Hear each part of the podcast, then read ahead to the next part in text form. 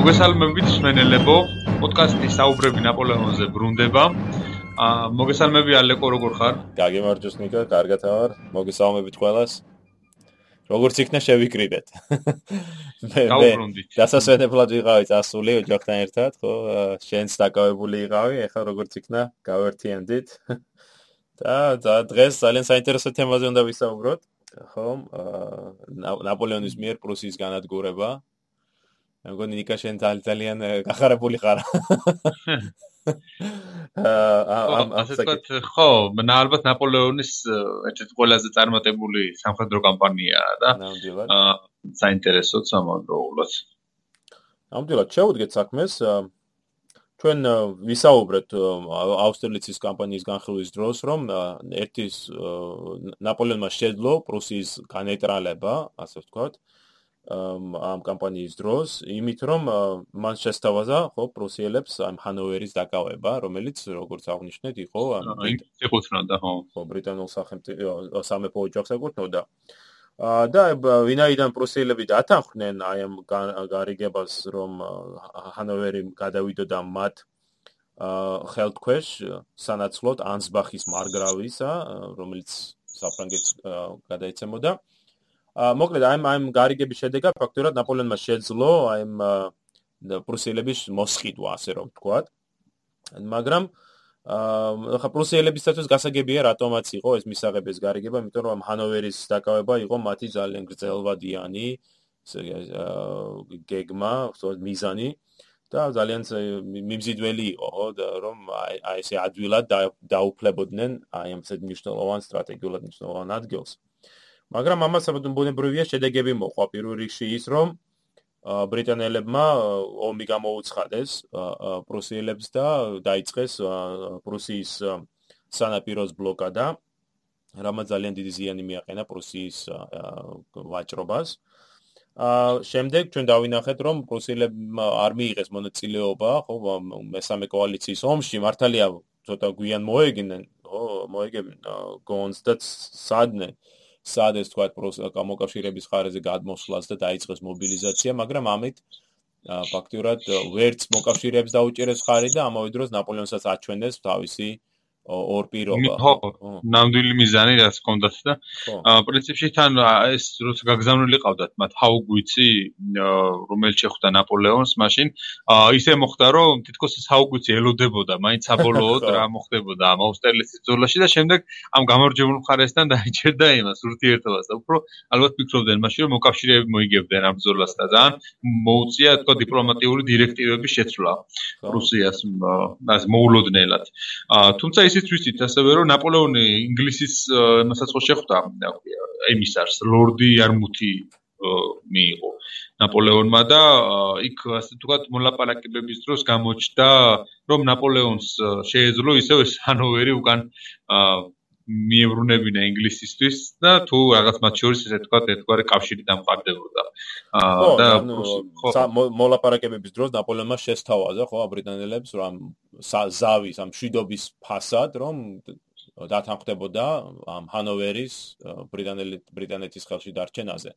რაც ბუნებრივია ნაპოლეონის ორმაგ პრუსიელებს საერთოდ ხო რაღაც ისე ისეთ გომარობაში ტოვებდა თითქოს მათი ყველა თქო ითამაშა ნაპოლეონმა პრუსიით. ასკარად ითამაშა. ასკარად ახლა ორმაგ თამაშს ეწევა, ხო, ნაპოლეონი ერთის ხრივ პრუსიელებს აავაზობს ან ჰანოვერს რომ თუმცა თვითონ არც პრუსიელები არიან ამ შემთხვევაში მთლად მარცლები ისინიც ორმაგ თამაშს ეწევიან. იმიტომ ისინი თან ცდილობენ მოკავშირეების ხარეზე და გადავიდნენ მე თან ჰანოვერის ისიც უნდათ ოკუპაცია და მოკლედ ასე ვთქვათ ორივე მხარე თავის მიზნებისთვის აკეთებს ყველაფერს.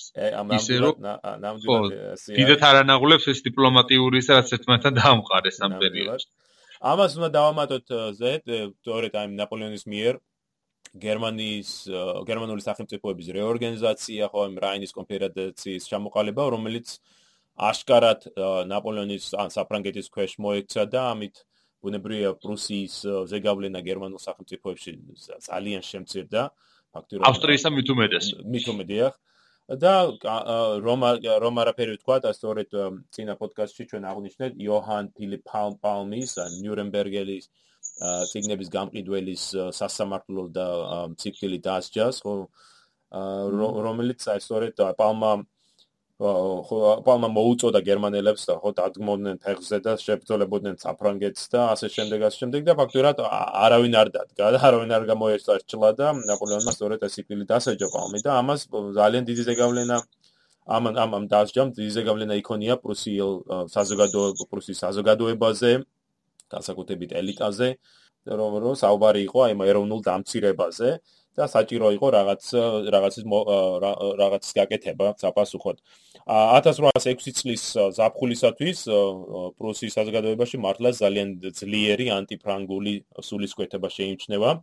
მაგალითად, როდესაც აგვისტოში, 1806 წლის აგვისტოში, როდესაც ჟან ბატისტ მარბო, ფრანგი ოფიცერი, ჩავიდა იყო ჩასული ბერლინში, ის გაოცებული აღნიშნავდა თუ რამდენად ეს ისხებოდათ ფრანგები პრუსიელებს და რომ ქუჩებშიც კი ხო ქუჩებშიც კი მათ მიმართ საჯაროდ იყო გამჟღავნებული არაერთხელ აი სიძულვილი. ის ოფიცრებიო პრუსიელი ოფიცრებიო ეს მარბო აღნიშნავს პრუსიელი ოფიცრები რომელთანაც რომელთაც მე კარგად ვიცნობდი და ასე ვთქვათ მეგობრობდი არა მარტო მისამებაზე ვამბობდნენ უარს არამედ საერთოდ საუბარიც კი არ უნდათ ჩემთანო და ყველაზე ცნობილი მომენტი ამ ყოველის არის აი სწორედ პრუსიის გვარდიის ხო ეს ქვედანაყოფი პოლკი რომელმაც რომელმაც გაბედა თქვა საფრანგეთის საელჩოს კი კარიბჭეზე ხო ხმლები რო გალესეს რა. ხმლების გალესვა დაიწყეთ ანუ აღკარად აღკარა შეურაცხყოფა არის თვით თვით საფრანგეთის მაგრამ ისიც უნდა აღნიშნოთ, რომ პრუსიის მეფე ფრიდრიხ უილიამი, უილჰელმი, ხო, ფრიდრიხ უილჰელმი, ამ სხვაშორის არ იყო დაინტერესებული საფრანგეთის წინააღმდეგ ომით, არ სურდა მას ომი ყოველ შემთხვევაში ამ ეტაპზე და ამ სავსებით შეგვიძლია ვთქვა, რომ ის აიძულეს, რომ წასულიყო ამ ნაბიჯზე. თუ და აიძულა სწორედ მის ირგვლივ ამ თავდაზნაურობამ, რომელიც დარწმუნებული იყო რომ რაღაცა უნდა მომხდარიყო, ხო, მას შეიძლებოდა რომ პრუსია ესე დაკნებულიყო. და ასევე თვით დედოფალიც, ხო, ლუიზაც თელს ევროპაში განთქმული თავის სილამაზით, მაგრამ ასევე ძალიან ისეთი გაბედული ქალი, რომელიც უბიძგებდა თავის ქმარს, არაერთხელ ახსენებდა თავისი დიდი წინაპრის ფრიდრიხ დიდის ხო მაგალიც და ანუ აი წარმომიდგენია მათი საუბარი ხო? შეახსენებდა ხოლმე აი რანი ვიყავით და რანი ვართ და რომ საჭირო არის ნაპოლეონისათმის ულტიმატუმის წამოყენება რათა ნაპოლეონის ჯარები გასულიყვნენ გერმანიიდან და მომხდარიყო აი გერმანიაში ახალი ცვლილებები. კონკრეტულად რა უნდათ პრუსიელებს? უნდათ ორი რამ შეგვიძლია რომ ვთქვა რომ ორი რამ ერთი იყო რომ ნაპოლეონი მესამე კოალიციის ომის შემდეგ ნაპოლეონმა დატოვა თავისი საჯარისო ქვედანაყოფები გერმანიაში. ეს გარკვეულ ეს ორ ორ მიზანს იმსახურებდა. ეს ნაპოლეონის ხრივ ერთის ხრივ გერმან გერმანიაში თავის ძალაუფლების გამყარებას და მეორე მხრივ აი ჯარის ხარჯების შემცირება საფრანგეთისათვის ხო თქვათ გერმანიის რომელიღაც ქალაქში განლაგებულ ჯარის ქვედანაყოფს ადგილობრივი მოსახლეობა ამარაგებდა და ამით ფული ენახებოდა საფრანგეთს. მაგრამ აი პრუსია ამით რა თქმა უნდა შეშფუთებული იყო და ერთ-ერთი ძირითადი მოთხოვნა იყო სწორედ აი ამ ჯარების გაყვანა რაინის აღმოსავლეთ სანაპიროდან, ხო? და მეორე ნიშნულოვანი მოთხოვნა რაც პრუსიას ჰქონდა იყო ჩრდილოეთ გერმანული კონფედერაციის ჩამოყალიბება პრუსიის ეგიდით, ამ პრუსიის ხელმძღვანელობით და ნაპოლეონის მხრიდან ამის აღიარება. ანუ ჩვენ ხედავთ პრუსიის ცდელობას შეექმნა ასე კაუნტერ ბლოკი, ხო, რაღაც საპირისპირო ბლოკი ნაპოლეონის მიერ სამხრეთ გერმანიაში ჩამოყალიბებულ რაინის კონფედერაციისა.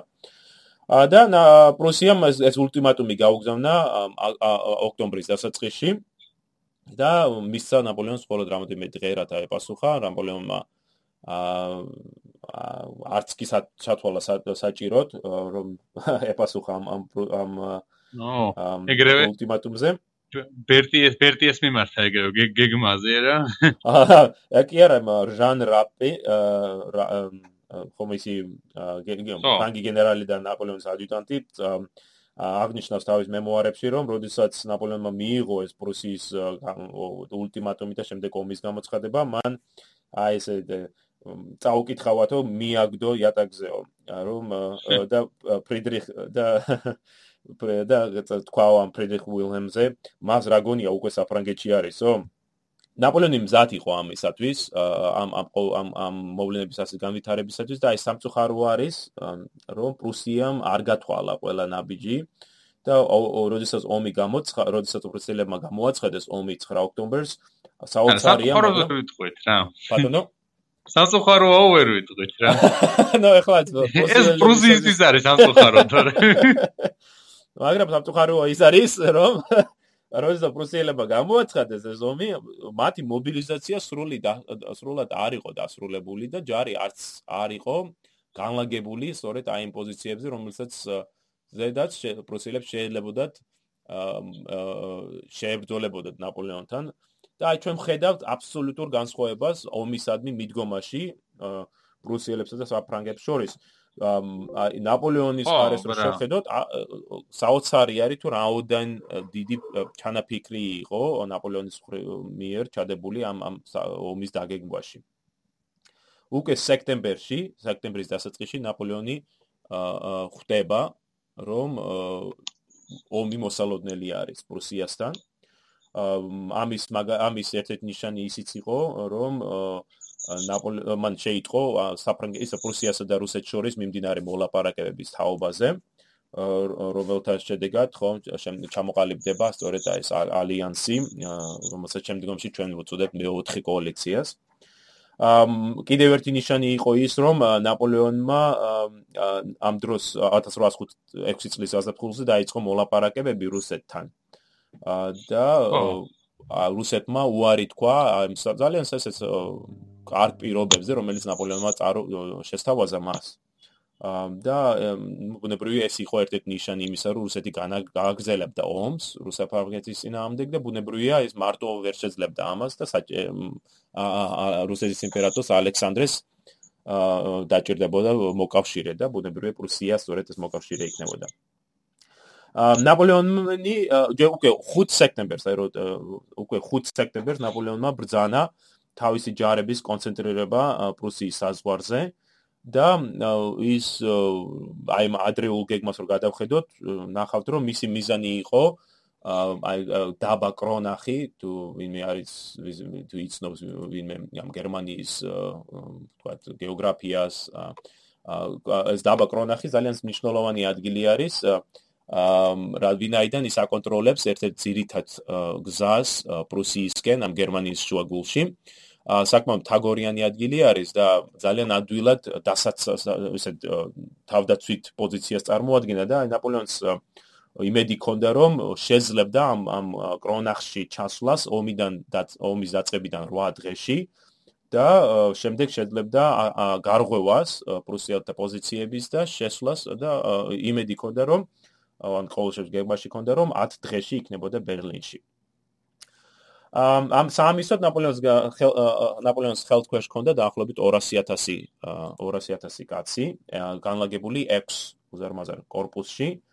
და ომის წინ ამ სექტემბერში ნაპოლეონმა მისცა ბრძანება თავის დაზვერვას და ეგრეთ წოდებულ ტოპოგრაფიულ ბიუროს როცა მოეზიათ თუ თუ რაიმე რუკა იყო გამოცემული სწორედ ამ რეგიონის და მართლაც სექტემბრის შუა რიცხვებში და სექტემბრის ბოლოსკენ ჩვენ ხედავთ ამ დაზვერვის და ტოპოგრაფიული ბიუროს მიერ შედგენილ ათობით რუკას რომელიც დაწვრილებით აღწერდა აი სწორედ ჭრდილო ცენტრალურ გერმანიას და ეს სამხრეთ სამხრეთ პრუსიის ნაწილს. ამავე დროს საჭირო იყო რომ ბუნებრივია ნაპოლეონ აი მოწინააღმდეგისათვის თავი დაეხვიათ ხო აი დიზინფორმაცია ჩაეტარებინათ და ხედავთ მაგალითად 10 სექტემბრის წერილში ნაპოლეონი წერს კოლენკურთან თავის ხომ გენერალთან კოლენკურთან რომ ბრძანებს მას რომ სანადიროდ უნდა წავიდეთო, მაგრამ ეს მოჩვენებითი არის, წერილში აღნიშნავს ნაპოლეონი რომ მე მინდა ხალხს მოვაჩვენო ვითომ მივდივარ კომპიენში დიდი ხნით სანადიროთო. სინამდვილეში კი ის ემზადება სწორედ გერმანიაში წასასვლელად. თუ გადავხედავთ მის წერილებს, აღსანიშნავია რომ უკვე 18 სექტემბრისათვის მისი მას აქვს მზად ეგრეთ წოდებული გენერალური დისპოზიცია დიდი არმიის, ანუ რომლითაც არის ფაქტობრივად თელი კამპანიის გეგმა გაშლილი. ანუ ომი ჯერ არ დაწყებულა და ეს ეს კამპანიის გეგმა აქვს უკვე შემოშავებული. ხო, პრუსიელებს კიდე არმიაც არ აქვს მობილიზებული. აბა ნუიტყვი. ნუიტყვი. ამ აი სწორედ ამ პერიოდში ამ სექტემბერში ჩვენ ვხედავთ ფრანგული ჯარის გადაადგილებას პრუსიის საზღვრებისაკენ და აი ახსანიშნავია თუ რამდენად სწრაფად ხდება ეს ყოველივე. პირველ რიგში მინდა აღვნიშნო ის რომ ნაპოლეონის თვითონ ბრძანებები, რომელიც მან გასცა ამ корпуსების ხელდართავრებისათვის, მეტაურებისათვის ძალიან ესეთი ადვილიანით არის დაწერილი, კონკრეტულად აქვს მითითებული სადნა წავიდნენ და რამდენი ხანში ის მოელეს მათ. აა ოჟეროს корпуსი, მაგალითად ოჟერო მე-7 корпуს მეტაურობს. ჩვენ ვიცით, რომ სექტემბრის ბოლოს 3 დღის განმავლობაში ოჟეროს корпуსმა დაფარა აა დაახლოებით 120 კილომეტრი, საშუალოდ 40 35-40 კილომეტრს გადიოდნენ დღეში. ეხლა წარმოიდგინე, ჩვენ ამაზე ვისაუბრეთ, მაგრამ ეს საშუალოდ ფრანგ ჯარისკაც ჰქონდა დაახლოებით ხო 30-35 კილოს აბჯარის, წანის 60 ეს ყველაფერი და აი ამით შეარაღებული ხო ისინი მაინც ალიანს დიდი სისწრაფით გადაადგილდებიან. არ იყო ორი ნახევარ ბრიგადა ნაპოლეონის ჯარში, რომელმაც შეძლო 9 დღის განმავლობაში საშუალოდ 40 კილომეტრი დაეფარა, ანუ ეს საოცარია. მე ახლა დასასვენებლად ვიყავი ოჯახთან ერთად წასული და 4 დღის განმავლობაში დავდიოდეთ ეს და საშუალოდ გავდიოდეთ ესე 20 კილომეტრს და ესე იგი ჩემ ფეხები მტკიოდა საოცრად რა და წარმოუდგენელია 9 დღის განმავლობაში ეს განუწყვეტლივ 40 კილომეტრი რომ გაიარო, მაგრამ აი ამ ფრანგებმა შეძლეს. მით უმეტეს რომ აი ეს ბოლო 3 დღის განმავლობაში მთაგორიან ადგილებში გადიოდნენ, ანუ საკმაოდ დიდი დატვირთვას განიცდიდნენ. ოქტომბრის დასაწყისში დავუს корпуსმა მესამე корпуსმა, ხომ, დავუს მესამე корпуსმა ყველაზე აღსანიშნავია მომში. ნამდვილად დავუს მესამე корпуსმა გააკეთეს ასე ძალიან მნიშვნელოვანი აღმოჩენა ის, რომ დაბა კრონახი, აი ეს რომელიცაც ნაპოლეონი ასე მნიშვნელოვნად მიიჩნევდა, აბსოლუტურად დაუცველი იყო. რომ პრუსიელებმა არც კი იფიქრეს მისი დაცვა მის დაცვაზე და ამიტომ დავუმ გაუსროლებლად შევიდა და დაიკავა ეს ქალაქი. ნაპოლეონის სხვა შორის გაოცებული იყო ამით, არის საინტერესო წერილი, რომელიც რომელიც მან მიწერა რაბს და ამ წერილში ის აღნიშნავს, რომ ეთყობა პრუსიელებს საერთოდ არ ესმით სამხედრო საქმეო, ვინაიდან ეს ეს ეს ადგილი ესე დაუცველი დატოვეს. ა მართლაც ეს ადგილი იმით არის მნიშვნელოვანი, რომ ფაქტურად ნაპოლეონს გზა გაეხსნა, რომ თავისუფლად გადაეყვანა ეს აი მაგალა 200.000-იანი ჯარი დაბლობისკენ, სწორედ რომელიც პრუსიის სამხრეთში მდებარეობდა. და ის დიდი სისტრაფით მართლაც მიუძღვეს მიუძღვის თავის ჯარს. ომი ოფიციალურად ხომ როგორც აღნიშნე დაიწყო 9 ოქტომბერს, მაგრამ ამ დროისათვის უკვე ნაპოლეონს თელი თავისი ჯარი სწორი პრუსიის პრუსიის საზღვარზე ყავს. ის მან დაუყოვნებლივ გადალახა საზღვარი და პირველი დიდი ბრძოლა სწორედ ხდება 10 ოქტომბერს, ანუ ომის დაწყებიდან საალფელდის 24 საათში, ხო? აა შენ აღნიშნე საალფელთან, ხო? ზალფელთან ეს პრუსიელებს ამ ბრძოლაში მეთაურობდა პრინცი ლუი ფერდინანდი. ახალგაზრდა იყო ამ დროს ძალიან ეს პრინცი და ხო მეფის ძმისშვილი ხო? მიშვილი ახალგაზრდა იყო და ძალიან უნდა თან ის თქვა თავის გამოჩენა. აა მაგრამ მას საკმაოდ ანუ მას წარმოდგენა ჰქონდა თითქოს რომ საკმაოდ მცირე რიცხოვან მოწინააღმდეგესთან უწევდა შეტაკება, მაგრამ აღმოჩნდა რომ უფრო მრავალრიცხოვანი იყო ეს ფრანგული ნაწილები, რომელთანაც პრინცი შეება, მარშალი ლანის მეთაურობით იყო ეს корпуსი განსაკუთრებული აღსანიშნავია რა თქმა უნდა ესეც, რადგან ლანი როგორც ყოველთვის გამოირჩეოდა იმით, რომ თქვა ეფექტური იყო განსაკუთრებით ნაპოლეონის მარშლებს შორის. ხო პირველ რიგში 10 ოქტომბერს ხო თვითონ ის ნაპოლეონი წერს ალფელდის ბრძოლაზე როგორც თვით რომ 10 ოქტომბერს ლანმა შეუტია ჰოენლოეს არმიის ავანგარდს რომელსაც პრუსიელი პრინცი ლუი მეთაურობდაო მოწინააღმდეგე განადგურდა და 1000 ადამიანი და 30 ზარბაზანი დაკარგა. ახალგაზრდა პრინცი ლუის რომელიც დიდი მედებს იძლეოდა არ უნდა თავის შერცხვენა და შეგნებულად სიკვდილზე წავიდა. როგორც ვთქვით ეს პრინცი ლუი დაიღუპა კავალერისტებთან შეტაკებაში ამ ბრძოლაში. და თქვა საკმაოდ ისეთი დანაკლისი იყო ეს პრუსიელებისათვის. მით უმეტეს რომ პირველივე შეტაკება რომელსაც ისინი ფიქრობდნენ რომ გარკვეული წარმატება ექნებოდათ და ეს გამოიწვევდა ამ ჯარის როგორ ვთქვა ეს სულიერ სულის სამხედრო სულისკვეთების გაზრდას პირიქით მოხდა ყველაფერი და მარცხმა ძალიან ბევრი რამე შეცვალა ალბათ პრუსიელებისათვის განსაკუთრებით ის რომ ამის შემდეგ ნაპოლეონს თავისუფლად შეეძლო ამ ზაალის მარჯვენა სანაპიროზე სანაპიროზე მოქმედება და დაიკავა ამის შემდეგ ქალაქები იენა და გერა. ხოლო მარშალი ლუი დავუ და მის მესამე корпуსი ნაუმბურგში შევიდნენ ამ დროისთვის სადაც რამდენიმე პონტონის ხიდი ჩაიგდეს ხელთ და გადავიდნენ უკვე ზაალის მარცხენა სანაპიროზეც. ნამდვილად აქ რამდენიმე გარემოება მინდა აღნიშნო. ერთი ის რომ მარტო შემა უკვე თქვი რომ ზააფელთან ბრძოლის დროს პრუსიელებმა პრუსიელები შეიგებდნენ მრიცხობრივად უპირატეს ფრანგულ ჯარს დაახლოებით ლანს დაახლოებით გააჩნდა 25000 კაცი ყავდა რა დაახლოებით. დაახლოებით, დიახ, პრუსიელებს ბევრად უფრო ნაკლები, მაგრამ თუმცა артиლერიაში ჰქონდათ ცოტა უპირატესობა, მაგრამ აი შედეგებს რო გადავხედოთ შენ თქვი რომ დაახლოებით 1000 კაცი დაიღუპაო ხო? ხო. ამას და უნდა დაუმატო დაახლოებით 1800 ტყვეთაყვანილი, ანუ თლიანობაში დაახლოებით 3000 კაცამდე გამოდის. აა ფრანგებმა დაკარგეს 172 ადამიანი ეს ეს ამას შედის დაღუპულიც და დაჭრილიც. ანუ 3000 პრუსიელი და 172 ფრანგი, ну, აშკარად. ხო, რაღაც ძალიან ისეთი რიცხვია, რომ მიანიშნებს როგორ რამხელა პრობლემა გვაქვს, პრობლემას და გვაქვს. აა მეორე მეორე რაც მინდა აღნიშნო ის არის, რომ აი საფელდის შემდეგ აა აშკარა გახდა, რომ ნაპოლეონს არ გააჩნდა კონკრეტული ინფორმაცია თუ სად გამწარდებოდა პრუსიელთა ძირითადი ძალები, ხო? ის ფიქრობს, ნაპოლეონი ფიქრობდა, რომ პრუსიის ძირითადი არმია იყო იენასთან და სწორედ იქ წავიდა თვითონ. და დაუ და ბერნადოტი გაგზავნა სწორედ აი ამ საფლანკო მარშზე, ხომ, აუშტატისკენ. მაგრამ რეალობა სულ სხვანაირი აღმოჩნდა, ხომ? რეალობაში რეალურად პრუსიელებმა იენასთან დატოვებს ხოლმე თავისი ჯარის ნაწილი. ხოლო ძირითადი ჯალები სწორედ ჰქონდათ კონცენტრირებული იანა აუშტატთან. ანუ აი ეს ბრძოლა, რომელსაც ჩვენ ახლა ვისაუბრებთ, იანა აუშტატის ბრძოლა, არ წარიმართა ისე, როგორც ნაპოლეონი ამას იმედოვნებდა. სწორედ ძირითადი ძალები მას არ დახვდა იანასთან, არამედ ისინი შეიგებდნენ აი სწორედ მის ერთ корпуს და სავსებით შესაძლებელი ყოფილი იყო, რომ ფრანგებს შეიძლება მოიგოთ იენასთან და დამარცხებულიყვნენ სასტიკად აუშტატთან. 13-14 ოქტომბერს ღამით ჰოჰენლოეს корпуსები შეჩერდა და თვითონ ოენლოემ გადაწყვიტა რომ ნაპოლეონისთვის საკმაოდ მოულოდნელი იყო ალბათ ეს რომ წინააღმდეგობა გაეწია, ანუ შებრძოლებოდა ამ ადგილზე. აა პრუსელებმა გადაწყვიტეს, რომ დაცვითი ბრძოლის ტაქტიკა აერჩიათ, აერჩიეს პროსტორად.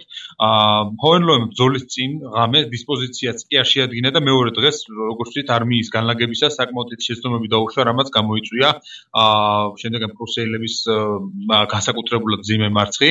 აა პრუსიის ერთ-ერთი სამხედრო თეორი, საუკეთესო სამხედრო თეორეტიკოსისა ზოგადადაც არა მხოლოდ პრუსიის კлауზევიცის აზრით, აა ბრაუნშვაიგის ჰერცოგს და ჰოენლოე შე შეეძლოთ რომ გაერთიანებულიყვნენ ანუ ერთიანი შებძოლებოდნენ ამ შემთხვევაში ფრანგებს მაგრამ ისე მოხდა რომ აი როგორც თქვით აი ცაცაკე იყო ამ დროს პრუსიის ეს ორი ძირითადი ნაწილი უმეტესი ნაწილი კარლ ბრაუნშვაიგის მეთაურობით უბრალოდ აუერშტატთან იყო ხოლო უფრო ნაკლები ნაწილი ჰოენლოეს მეთაურობით უკვე ნაპოლეონს ებრძოდა იენასთან თუმცა ისიც ვიცით რომ ამავე დროს მიუხედავად იმისა ფრანგები მთლიანობაში რიცხობრივად აჭარბებდნენ პრუსიელებს ისე მოხდა, რომ ნაპოლეონი კი აჭარბებდა პრუსიელების ჯარს რაოდენობით იენასთან, მაგრამ ამავე დროს აუერშტატთან პრუსიელები უფრო მეტი იყვნენ, ვიდრე მარშალი დავუს корпуსი, რომელიც გაცილებით ჩამორჩებოდა რიცხვებით. ხო, რიცხვები რომ გამოვიყენოთ, ნაპოლეონს გააჩნია დაახლოებით 100000 თითქმის 100000 კაცი იენასთან, როდმაშინ როდესაც პრუსიელებს გააჩნია დაახლოებით 60000-მდე.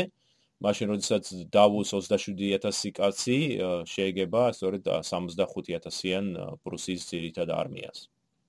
ანუ ხო იენასთან ნაპოლეონის თითქმის ორმაგი უპირატესობა აქვს, მაშინ როდესაც აუშტატთან ავსტრიელებს აქვთ ორნახევარი თითქმის სამ სამმაგი უპირატესობა.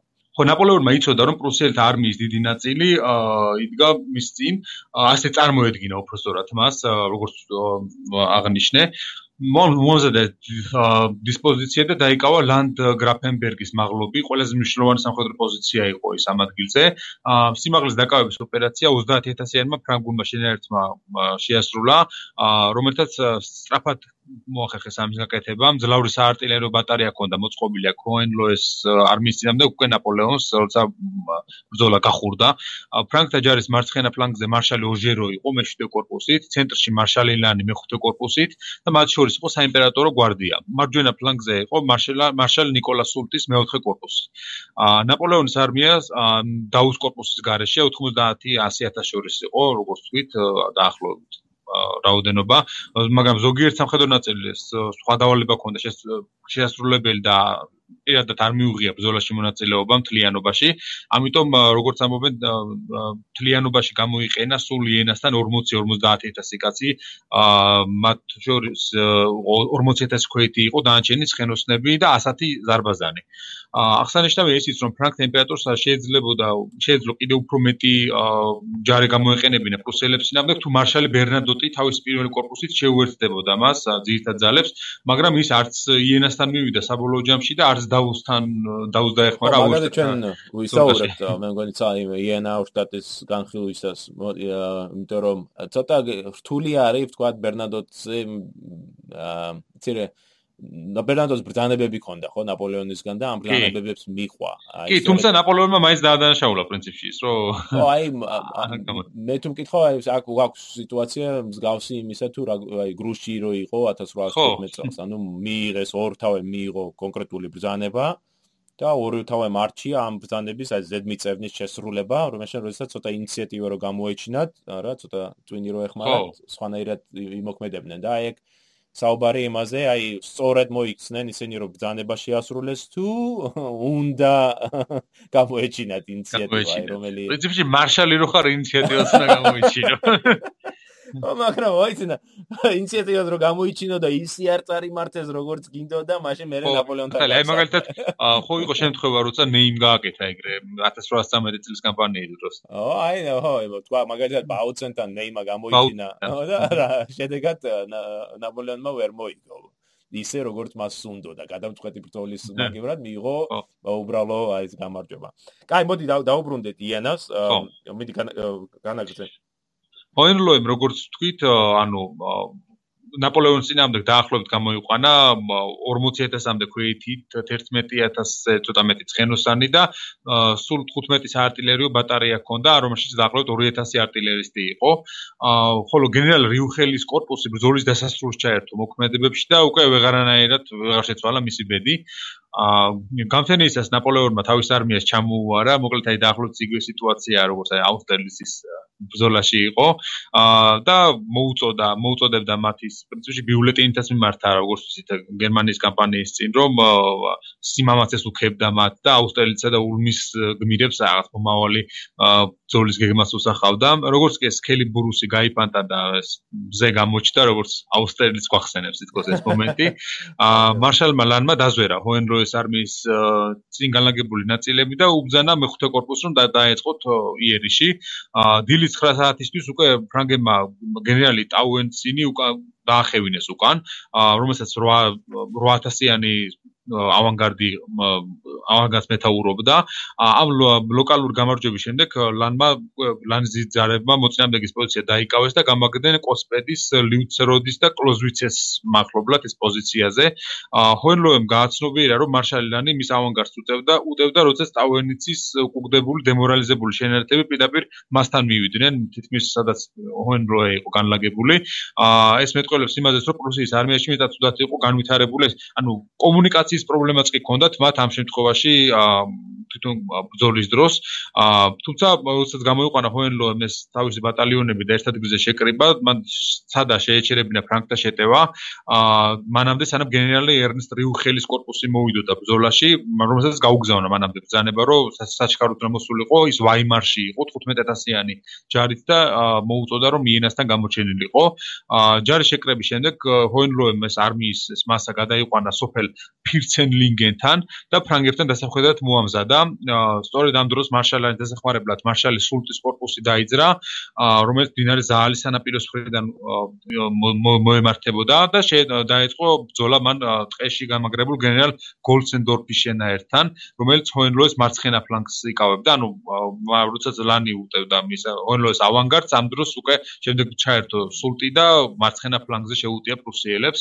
2 საათიანი შეტევების შემდეგ ეს პრუსიელი მწვრთნელი გენერალი გოლცენდორფი იძულებული გახდა უკან დაეხია და საკმაოდ დიდი დანაკარგები ჰქონდა მას ამ დროისთვის 5000 კაცამდე დაახლოებით. როდესაც მარშალ ოჟეროს მეშვიდე корпуსი დაიძრა უკვე მარშალმა ნეიმ შეამჩნია ჰოენლოეს მოძრაობა ფირცენლინგენისკენ და ყოყმანის გარეშე გადაწყვეტა 3000 ჯარისკაცი თავის корпуსიდან პირდაპირ აღნიშნული ადგილისკენ დაიძრა ის. მოახერხა სოფელში გამაგრება და პრუსიელებს იქ დაუხვდა. ამ რამდენიმე თითქმის 1 საათის განმავლობაში ის იგერიებდა ჰოენლოეს ძირთად ძალებს ამ სოფელში, რომელიც ცდილობდა რომ ნეი განანდევნა როგორღაც ამ სოფლიდან, მაგრამ ვერ მოახერხა. როგორც კლაუზევიცი აღნიშნავს, პრუსიელთან სასტიკი დამარცხების ერთ-ერთი მთავარი მიზეზი იყო ეს მოძველებული ტაქტიკა მათი, ხაზოვანი ტაქტიკა.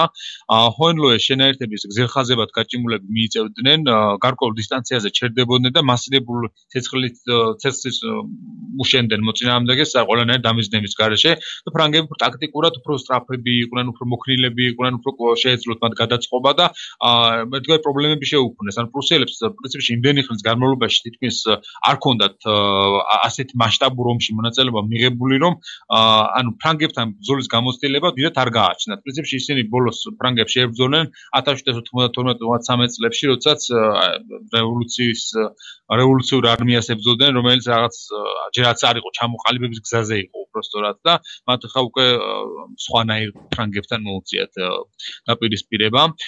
ნაპოლეონმა უბრძანა მარშალ ლანს, რომ დახმარება აღმოჩინა ნეისთვის, რომელიც ერთსაც განმავლობაში აჩერებდა პოენლოეს შენაერთებს. შემდეგ უკვე მეექვსე корпуსი ჩააყენეს, ჩააყენა იმპერატორმა საბრძოლო წყობში ნიურატის სარეზერვო კავალერია და დაელოდა როდის დაასრულებდნენ მანევრებს ეს მეოთხე და მეშვიდე корпуსები, როდესაც მთელი არმია ბრძოლის ველზე აღმოჩნდა.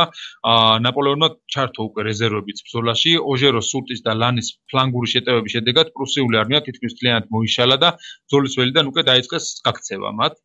მწყობრი უკან დახევა მხოლოდ საქსონელებმა დაიწყეს საქსონელ გრენადერთა ბატალიონი იყო, რომელსაც შედარებით გამოიჩინა თავი ამ ბრძოლაში, რომელიც თავად ჰოენლოეს იცავდნენ საქსონელები. დაახლოებით დღის 2 საათისთვის რიუხელის 15000-იანი корпуსიც ჩაერთო ბრძოლაში პრუსიელების მხრიდან, მაგრამ უკვე ვეღარაფერს შეცვლა ვეღარ შეეძლო მათ რიუხელის ან 15000 კაცი უკვე ვეღარ შეცვლიდა ამ შეტაკების ბედს და ნაპოლეონის მარშალებმა ძალიან მალე თითქმის საათზე ნაკლებ დროში გაანადგურეს რიუხელის შენაერთიც.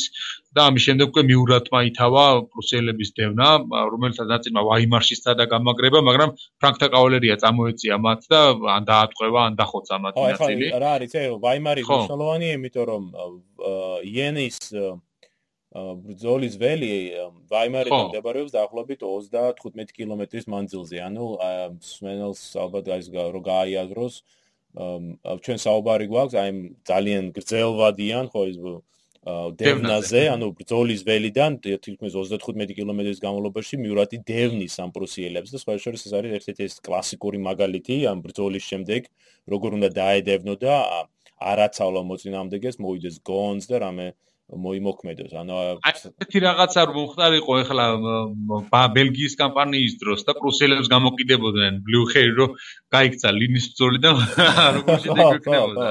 აი მიურატი სადარ ყავდა ნაპოლეონს. როგორ და აი სწორედ ამ ამ დევნის დროს არის ეს ცნობილი მომენტი, როდესაც მიურატი თავის დრაგუნებს მიუძღვის წკეპლით ხელში, ხმლის მაგიბრად. არაერთ არაერთ ნახატზე არის ეს აღბეჭდილი. სწორედ სანამ ეს ყველაფერი ხდება იენასთან, სადაც ნაპოლეონი ანადგურებს ამ პრუსიელთა ჯარს, ამავე დროს ბრძოლა მიმდინარეობს, ხო? და დაახლოებით იენიდან 20 კილომეტრში დაბა აუერშტატთან, სადაც დავუს корпуსი ასრულებდა საფლანკო მანევრს, როდესაც ის შეეგება პრუსიელთა ძირითად ძალებს. და სწორედ აქ ჩვენ ხედავთ დავუს წყინვალე სამხედრო ნიჭს, ისევე როგორც აი ფრანგული სამხედრო სისტემის ზოგადად უპირატესობას პრუსიელთა ჯარზე. ნაპოლე მართალია როგორც დავუს გააჩნია რიცხობრივად ბეროთ უფრო პატარა ჯარი, ერთი корпуსი, ხო? რომელსაც ახლობით 27000 კაცი შედის, მან შეძლო რამ მთელი დღის განმავლობაში მოიგერებინა მოწინააღმდეგის შეტევები. აა ნავომ მოაწყო თავი განალაგა თავისი დივიზიები სამ უზარმაზარ კარეთ ამ ოთხკუთხედად ხომ? და მთელი დღის განმავლობაში სწორედ იგერიებს ამ ამ ამ წინამდების შეტევებს. მართალია მას არ გააჩნია დიდი არტილერია, მაგრამ აი სწორედ რამოდენიმე ათეული ძარბაზანი რაც მას გააჩნდა, მან გამოიყენა იმდენად ეფექტურად, რომ შეძლო მოწინააღმდეგის სწორედ შეტევ საკავალერიო შეტევების შეჩერება უფრო მეტიც დღის მეორე ნახევარში უკენ ფრანგებმა შეძლეს არა მარტო მოგერიება შეტევების, არამედ თვით შეტევაზე გადასვლა ამ და დღის ბოლოსათვის უკვე დავუმ სასტიკად დაამარცხა თვით პრუსიელთა ძირითადი ძალები. მართალია ამ ბრძოლაში დავომ დაკარგა ძალიან განიცადა დიდი დანაკარგი. 27000 კაციდან მან დაკარგა დაახლოებით 8000 კაცი. მაგრამ სამაგიეროდ არც პრუსიელებმა პრუსიელებმაც განიცადეს ძალიან დიდი დანაკარგი. დაახლოებით 15000 კაცი დაკარგეს აუშტატთან და რაც თავია ეს მორალური ხო მორალური მომენტი როდესაც ამხელა ჯარი, დაახლოებით 60000 კაცი უტევს ამ პატარა корпуს და აი მთელი ძილს განმავლობაში ვერაფერს ვერ ახერხებენ, რომ გატეხონ ან უკან უკან აგდონ, ხომ?